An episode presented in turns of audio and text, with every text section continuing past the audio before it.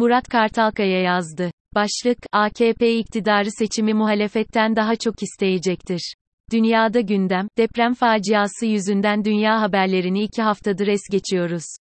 Müsaadenizle biraz anlatmaya çalışayım. ABD faiz beklentileri piyasada güncelleniyor. Bunun nedeni de ABD'den gelen güçlü istihdam raporu ve Fed'in şahince söylemleri. İşsizliğin ABD'de 1969'dan bu yana en düşük seviye olan %3,4'e düştüğünü gösterdiğinden, daha agresif bir Fed üzerine tahminler sertleşti. Bir önceki hafta Fed Başkanı Jerome Powell'ın güvercinvari konuşması piyasaları biraz sakinleştirmişti ama sonrasında ve geçen hafta şahinvari veriler ve söylemler öne çıktı. Geçen hafta bir Fed Başkanı Fed'in 24 Şubat toplantısında 50 bas puanlık bir artış için zorlayıcı bir ekonomik durum gördüğünü söyledi. ABD'li tüccarlar, Haziran ayına kadar sürecek olan Fed artışlarını fiyatlamaya başlıyor. Geçen ay Fed faizinin %4,75 seviyesinde son bulacağına inanlar %99 seviyesindeyken geçen hafta bu oran %86'na gevşedi. Geçen hafta iki Fed yetkilisi daha, politika yapıcıların ekonomik koşullar izin verirse ileriye dönük daha büyük faiz artışlarına açık olmaları gerektiğini söyledi. Bazı finansal kurumlar da geçen hafta içi yaptıkları açıklamalarla Fed'den bekledikleri faiz artırım sayısını yukarı yönde güncellediler. Bu gelişmeler 2023 sonuna kadar faiz artırımın devam edeceği endişesini artırdı. Avrupa Birliği faiz beklentileri de güncelleniyor. Avrupa Merkez Bankacıları, politika toplantısı öncesinde şahin söylemlerini sürdürdü. Euro bölgesi reel politika faiz oranlarının negatifte kaldığını ve pozitif olabilmesi için daha fazla yükseltilmesi gerektiği söyleniyor. ECB Başkanı, Avrupa Merkez Bankası'nın önümüzdeki ay borçlanma maliyetlerini 50 bas puan daha artırmayı planladığını yineledi. Bu gelişmeler doların tüm paralar karşısında değerlenmesine yol açtı. Ürünlere etkilerini yazımın piyasa bölümünde ayrıntılı anlatacağım. Kısaca şunu söyleyebilirim. Aylardır söylediğim gibi veriler ve söylemler piyasayı dalgalandırmaya devam edecek. Dolar, majör paralar karşında bir yükselip bir düşecek. Ama hem FED hem ECB faiz artırırken hisse senedi, kripto paralar, kıymetli madenler yükselecek diye çok fazla hayale kapılmamak gerek diye düşünüyorum. Mart ayında Fed ve ECB toplantıları dalgalanma yaratmaya devam edecektir. Çok ısrarcı değil, sakin olmanızı öneririm.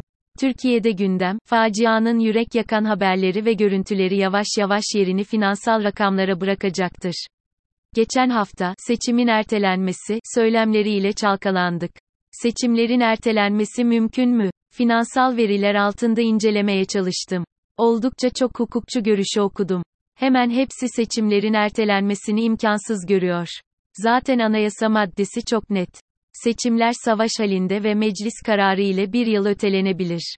Çok net kesin. Erdoğan'ın ikinci adaylığı mı, üçüncü adaylığı mı gibi sündürmeye müsait değil. Seçimlerin ertelenmesi çok net anayasaya aykırı. Seçimi ertelemek kıyısından köşesinden tırtıklamak değil, anayasayı direkt parçalamak demek. Türkiye Cumhuriyeti'nin kadim geçmişi var ise buna izin veremez. Diğer yandan AKP yönetiminde seçimin ertelenmesini isteyeceğini hiç sanmıyorum. Ben 2022 Haziran ayından başlayarak AKP yönetiminin biraz öngörüsü var ise 2022 Ekim'inde erken seçime gider diye defalarca yazdım. Hem başkanlık hem meclis çoğunluğu için %50 şansları vardı.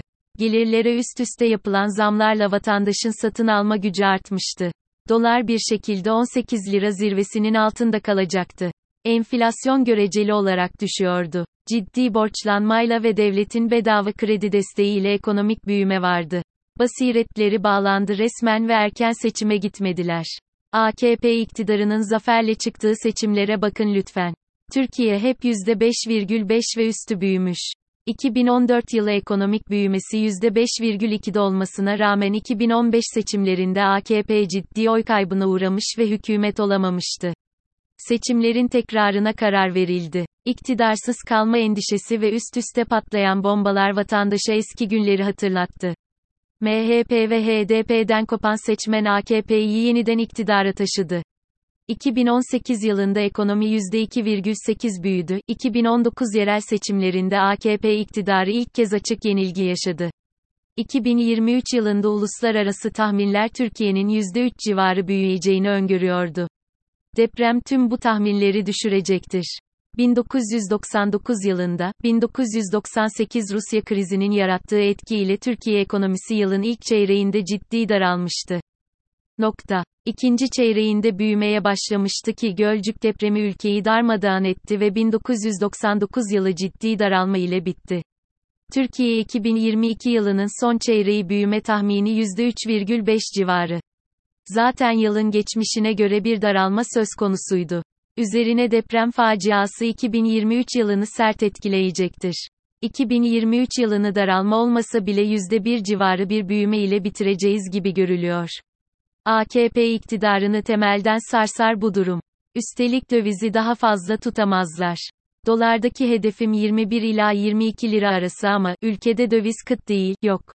En ufak bir sendeleme büyük bir paniğe yol açabilir. Bu durumda doları bir anda 30 lira üstünde görebiliriz.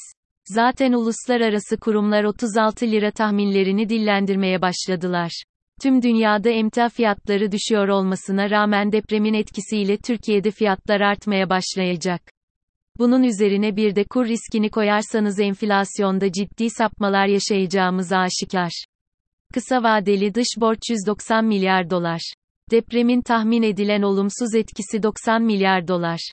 Geçen seneyi 110 milyar dolar dış ticaret açığı ile kapadık. Bu senede çok farklı bir rakam göremeyeceğimiz anlaşılıyor. Merkez Bankası kasası 50 milyar dolar ekside. Kredi ve borçlanma ile tüketim yaratıp inşaat ve ucuz ihracat ile ekonomiyi daha fazla ayakta tutamazlar.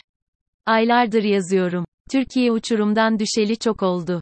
Kol, bacak kırık zeminde yatıyoruz. Acı kesici ve serumlu acıyı tam hissedemiyoruz. Deprem ile birlikte üstümüze bir de koca bir kaya yuvarlandı. Dolar, Türk lirası, iki haftadır doların tüm paralar karşısında değer kazanmasının etkisiyle yükseldi. Henüz Türkiye'nin özeli bir hareket yok. Ancak teknik, zıplamaya çok fazla zaman kalmadı diyor.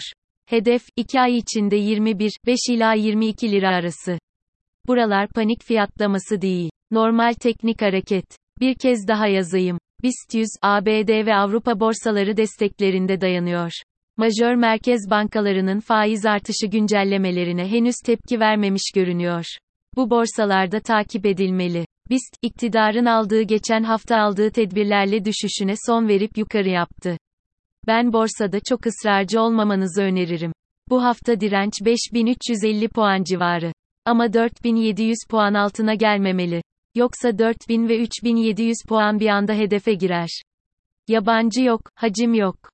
Aylardır bu durumun yukarı ve aşağı kopmaları olağan hale getirdiğini paylaşıyorum.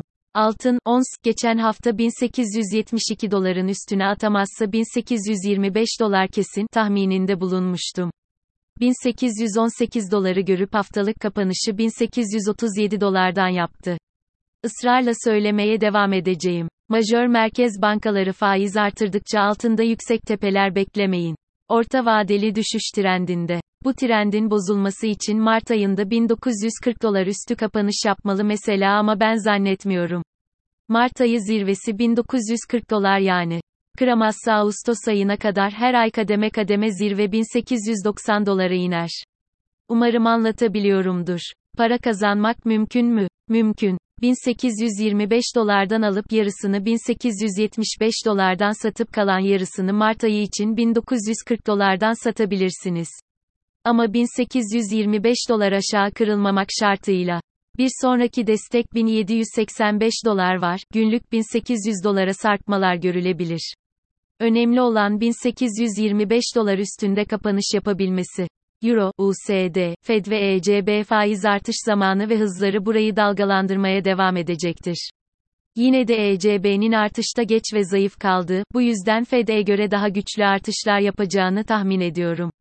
Bunun yanında İngiltere ve AB'nin önümüzdeki günlerde Brexit sonrası ticaret düzenlemeleri konusunda anlaşmaya varacağı beklentisi artıyor. Bu durumda euro lehinedir. Paritede 1,0470 görülebilme olasılığı varsa da, ben 1,06 seviyesinin altında kalmasını beklemiyorum. 1,0625 seviyeleri civarında kalırsa, faiz artırımları sonrası paritenin bir ay içinde 1,1180 seviyelerinin üstünü deneyebileceğini tahmin ediyorum. Hedefim 1,14 ama, bunu söylemek için daha çok erken.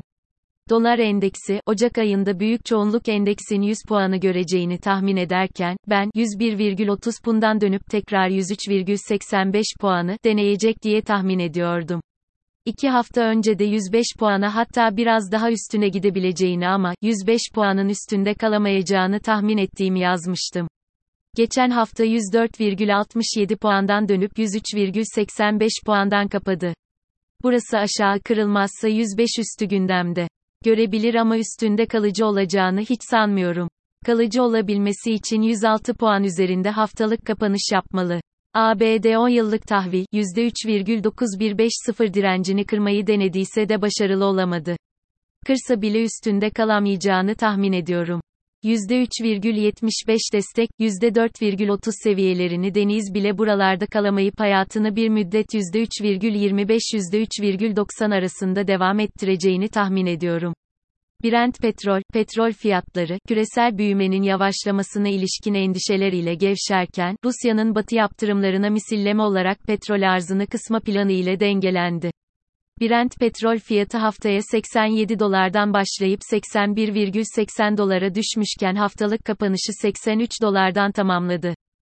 86,85 dolarda direnci, 80 dolarda desteği var. Ben desteğini test etme olasılığını daha yüksek görüyorum.